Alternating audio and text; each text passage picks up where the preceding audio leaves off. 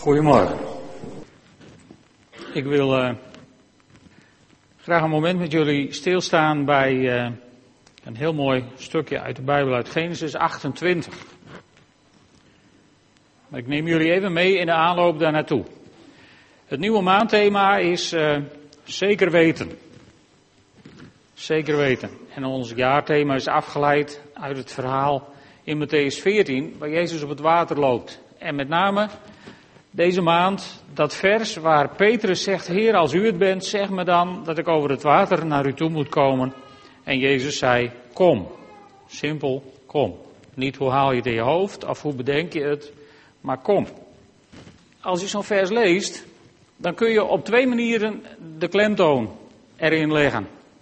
Je kunt zeggen, Heer, als u het bent, met andere woorden, ik geloof er eigenlijk niks van, maar als u het bent, bewijs het dan eens een keer. Het is een beetje hetzelfde wat Zacharias deed toen de engel hem kwam vertellen dat zijn vrouw zwanger zou worden. Toen zei hij, hoe kan ik zeker weten dat het waar is? Je kunt de klemtoon ook zo leggen. Heer, als u het bent, met andere woorden, ik, ik geloof dat u het bent, maar ik heb even, even dat kleine, kleine steuntje nodig van bevestiging. Als u het bent. En ik denk dat Petrus het zo gezegd heeft. Heer, als u het bent, zeg me dan dat ik tot u kom.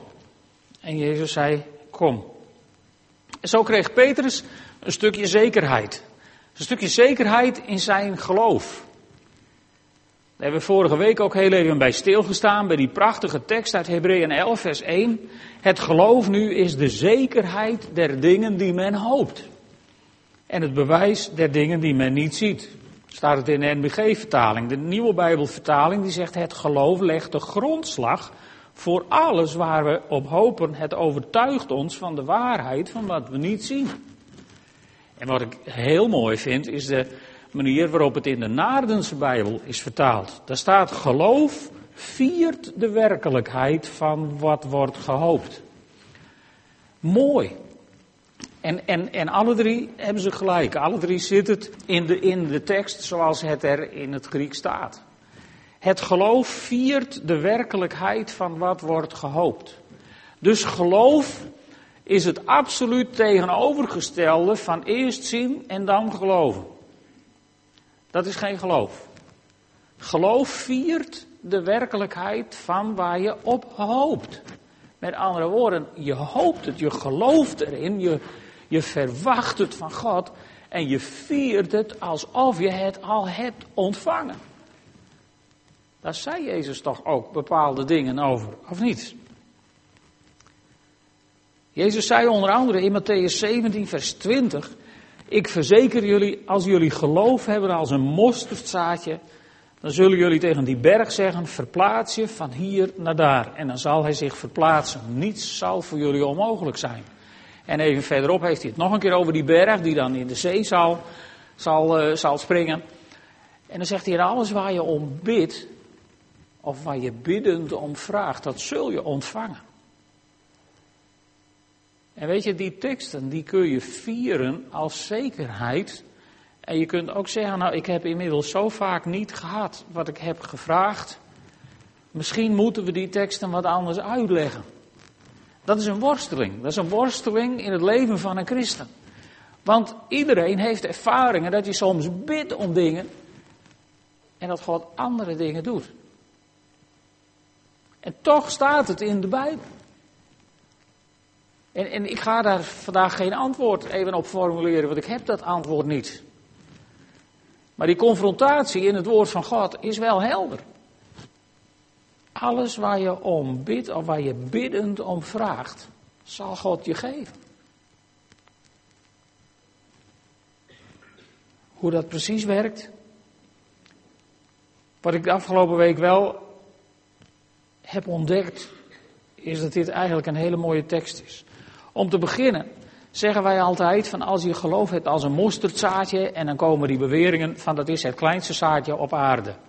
Nou, dan moet je net als ik even een volkstuin nemen en een pakket zaadjes bestellen. Dan kom je erachter dat mosterdzaadjes een van de grootste soorten is die ertussen zit. wat als je worteltjes gaat zaaien, of selderij, of dat soort spul, bijvoorbeeld die zaadjes zijn onnoemelijk veel kleiner dan die dikke ronde korrels waar je mosterd mee zaait. Het heeft niks met klein te maken. Het gaat ook helemaal niet om de grootte van je geloof. Daar zijn wij over begonnen, omdat wij dachten dat de mate van ons geloof überhaupt belangrijk was in dit verhaal. En dat is het helemaal niet. Het is de kracht van God die belangrijk is in dit verhaal. Want wat zegt Jezus hier? Hij zegt, als je geloof zou hebben als een mosterdzaadje, zul je tegen deze berg zeggen, verplaats je van hier naar daar. Wij hebben in de afgelopen, tenminste, ik heb dat altijd zo beleefd de afgelopen vele jaren, dat wij dachten van als je zo'n berg tegenkomt, dan zeg je tegen die berg, maak dat je wegkomt en dan verdwijnt die berg. Die wordt vlak of die verdwijnt buiten beeld, maar dat staat er helemaal niet. Hè? Er staat, als je tegen deze berg zegt, verplaats je van hier naar daar. Om te beginnen, vraagt dat specifiek gebed. Want hier is een specifiek woord en daar is ook een specifieke plek. Je kunt niet tegen die berg zeggen, maak dat je wegkomt en zoek maar uit waar je heen gaat. Nee, dat staat er niet. Er staat, je moet tegen die berg zeggen, je verplaatst je van hier naar daar. En wat is dan het resultaat? Nou, het resultaat is om te beginnen dat die berg waar je tegenop kijkt nog steeds een berg is. Die berg is geen draad veranderd. Die is niet plat geworden, die is niet van de aardbodem verdwenen, die is niet opgelost. Die berg waar je mee worstelt, is nog steeds die berg waar je mee worstelt. Alleen toen je die berg tegenkwam, toen stond hij jou hopeloos in de weg om verder te gaan op je leven met God. En als je dan in geloof tegen die berg zegt: Hé hey joh, jij staat mij in de weg. En in de naam van Jezus zeg ik je: verplaats je van hier naar daar. Dan is die berg is niet kleiner geworden, maar hij staat je niet meer in de weg. En dat vind ik nou een wonder van het geloof. De afgelopen maanden hebben we toch wat, wat dingen meegemaakt, ook, ook rondom mensen die zijn overleden. En, en in dat proces heb ik gezien dat bergen die mensen op hun weg hadden, die bergen die bleven bergen, maar ze gingen wel aan de kant. De levensweg van die mensen die konden ineens verder op weg naar hun ontmoeting met Jezus Christus. En die berg was ineens geen berg meer. En, en hier zijn genoeg mensen die die daarover over kunnen getuigen. Ik denk als we Peter gaan vragen om daar eens iets over te zeggen over de afgelopen negen maanden, dan, dan hebben we dat ook gezien. Die bergen die er waren. Als je tot God kwam en het uitschreeuwde naar God, die berg verdween niet, maar hij stond niet meer op je weg. Hij stond naast de weg, zodat je er langs kon.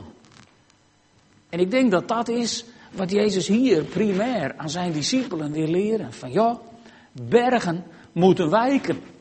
Dat zingen we ook in zo'n mooi lied, hè? bergen moeten wijken. En, en we kennen allemaal die uitdrukking, geloof dat bergen verzet. Er is helemaal geen spreekwoord, geloof dat bergen slecht of vlak maakt of zo. Geloof dat bergen, heb jij geloof dat bergen verzet? Heb jij genoeg geloof om bergen die opdoemen in jouw leven toe te spreken in de naam van Jezus? Zodat ze aan de kant moeten gaan en jou niet langer in de weg staan in jouw relatie met God. Want uiteindelijk is dat toch het perspectief waar het bij God elke keer weer om gaat. Wij kijken vaak ook door verkeerde brillen naar dingen. God bekijkt ons en ons leven in het perspectief van de eeuwigheid. En als daar een berg staat die jou belemmert om, om, om de eeuwigheid bij God te bereiken, is dat veel erger dan als er een berg op je weg staat die jou belemmert om 90 of 100 jaar te worden. Dat is maar bijzaak eigenlijk.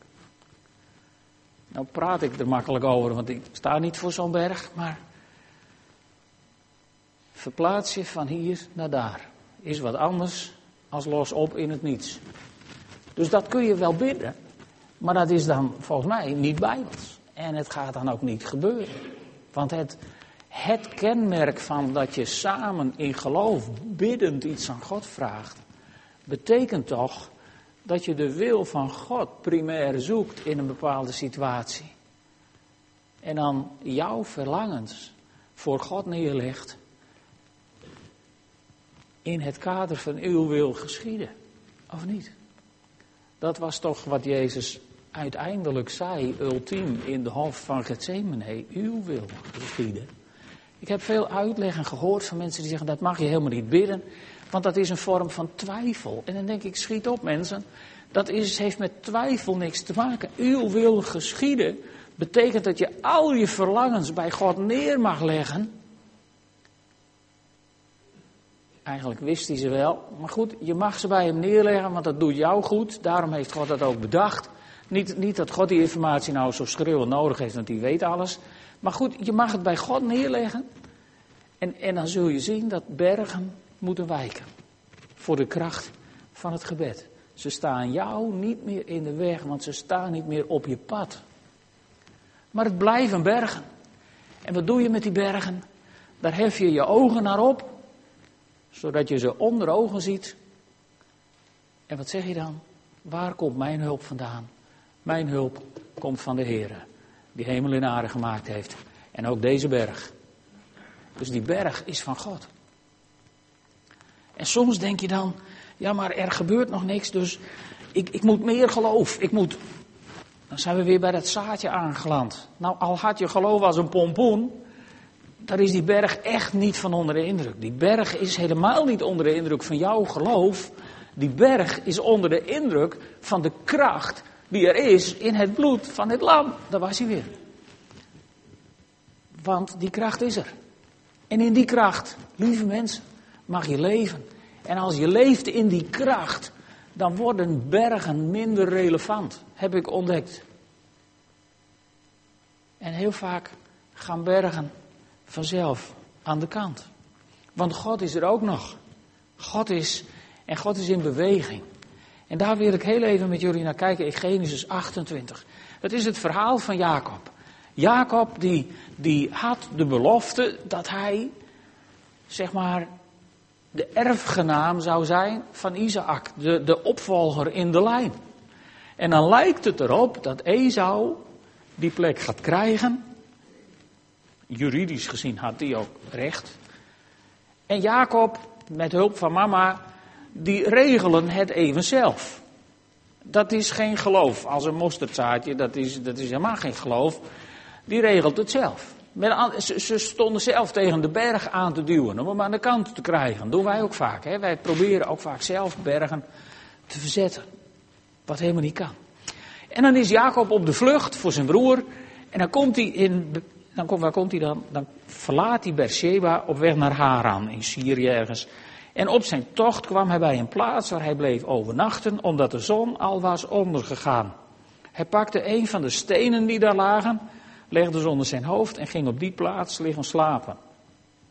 Wij moeten altijd een kussen mee hè, als we op reis gaan. Jacob vond gewoon een steen onderweg. En dat was ook. Tijden veranderen. En toen kreeg hij een droom. En dan moet je even opletten. Toen kreeg hij een droom. Hij zag een ladder die op de aarde stond en helemaal tot in de hemel reikte. En hij dacht bij zichzelf, dat is een eindklemmen. Nee, dat staat er niet. Nee, hij zag een ladder die tot aan de hemel reikte en daarlangs zag hij Gods engelen omhoog gaan en afdalen. Ook zag hij de Heer. Waar zag hij de Heer? Waar zag hij de Heer? Ik weet niet of u al eens plaatjes van die ladder hebt gezien. Dan staat, waar staat de Heer op die plaatjes meestal? Bovenaan de ladder, hè? Staat niet in de Bijbel, weet je dat? Heel onbijbels plaatje. Want wat staat er? Ook zag hij de Heer bij zich staan. Met andere woorden, God was al beneden. Voordat Jacob wakker was, was God al beneden. Dit, dit moet je de komende week thuis nou nog maar eens een paar keer lezen. Staat het daar anders?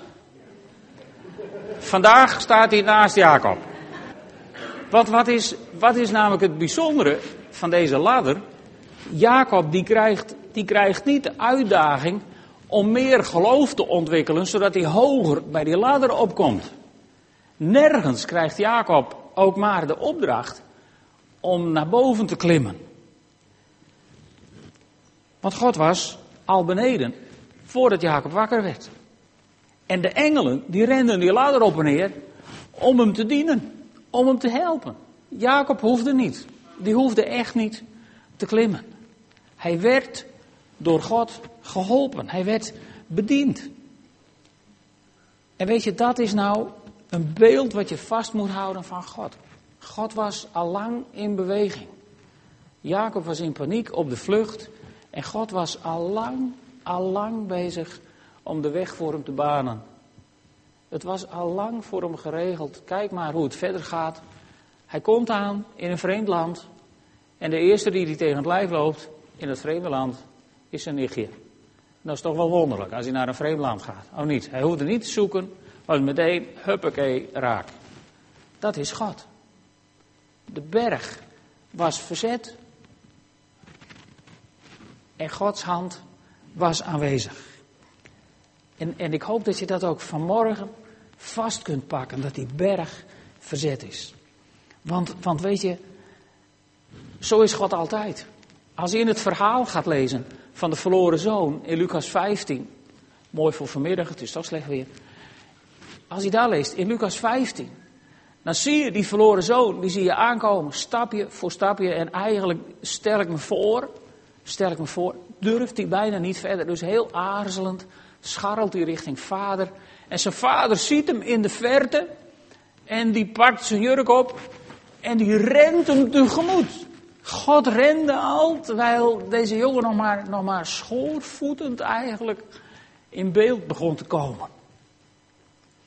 En dan is er later die onwillige oudste zoon, die helemaal niet eens naar binnen wil. En vader die denkt niet van nou, graag of niet. Nee, dan gaat hij weer naar buiten om hem te over te halen om binnen te komen in zijn heerlijkheid. En zo was Jezus in Matthäus 14 ook op weg naar de discipelen in de storm. Ze hadden het niet in de gaten. Ze dachten dat er een spook aankwam en ze stelden zich van alles voor. Maar Jezus was, ondanks al hun geploeter, onderweg naar hen toe. En zo is het ook in jouw leven. God wil actief aanwezig zijn in jouw leven. En als je als je noodgezeten geen uitkomst ziet, wil dan nooit vergeten. God verlaat u niet. Hij is op weg naar jou toe. Hij is nog sterker. Sinds de uitstorting van de Heilige Geest woont hij in jouw hart. Met andere woorden, God hoeft helemaal niet meer naar jou toe. Dus in ieder geval, vandaag de dag staat hij niet meer bovenaan de ladder. Hij woont in jouw hart. Hij is zo vlak bij je. En als jij je nood maar bedenkt, heeft God het al lang begrepen. Hij wil je helpen. Hij wil je helpen. En dat mag je zeker weten. Want het woord van God is er zo duidelijk over. God is naar jou toegekomen en naar mij in de mens Jezus Christus.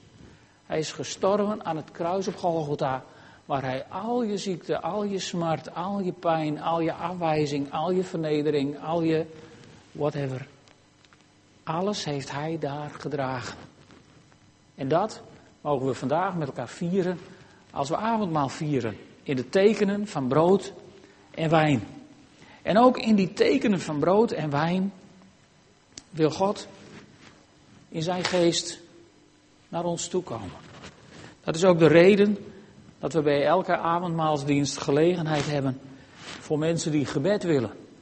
Om voor zich te laten bidden. Als u hier voor het eerst bent, er zullen. Uh, ja? Niet best. Ik heb de getuigen hier naast me.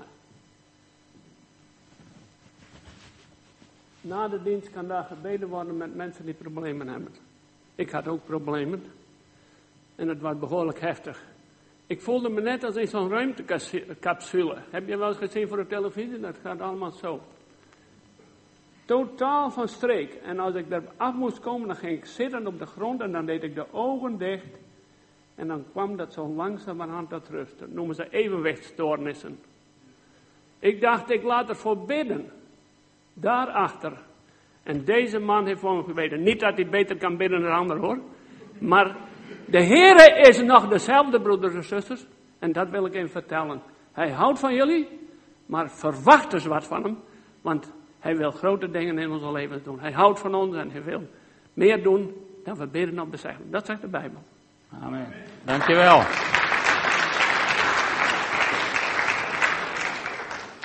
Nou, meer reclame hoef ik er niet voor te maken. We gaan avondmaal vieren. Als je hier te gast bent, voel je vrij als je een kind van God bent. En als je je geborgen weet bij Jezus Christus, dan ben je heel hartelijk uitgenodigd. Er zal brood zijn, er zal wijn zijn of druivensap. En achterin zal gelegenheid zijn om voor u te laten bidden. Dat mag nadat u avondmaal hebt gehad. Als er hele rijen staan en u bent slim, dan komt u eerst naar achteren en dan bidden we eerst voor u. En dan viert u daarna met brood en wijn, viert u de zekerheid van datgene waar u op hoopt. Om het maar eens met de Nadense Bijbelvertaling te zeggen. Dus uh, God nodigt u uit vandaag. Kom aan zijn tafel. Laat u verwennen door zijn aanwezigheid. En geloof dat God jou wil geven wat je hem vraagt. En dat mag een mosterdzaadje zijn, mag ook een kleiner zaadje zijn, mag ook wat groter zijn. Want van de omvang van uw geloof en mijn geloof hangt het goddank niet af. Want dan zouden we hopeloos verloren mensen zijn. Zullen we gaan staan en samen bidden? Vader in de hemel, we willen u danken voor uw aanwezigheid, voor uw grootheid, voor uw, ja, voor uw eeuwige aanwezigheid in ons en rondom ons. Heren, we loven en prijzen u daarvoor. We danken u voor het offer van uw zoon. We danken u voor het bloed wat gevloeid heeft om ons te reinigen van al onze zonden. We danken u voor uw striemen waarin onze genezing lag. Heere God, en vanuit die dankbaarheid willen we zo dit brood en deze wijn zegenen in de naam van de Vader, in de naam van de Zoon, in de naam van de Heilige Geest. Amen.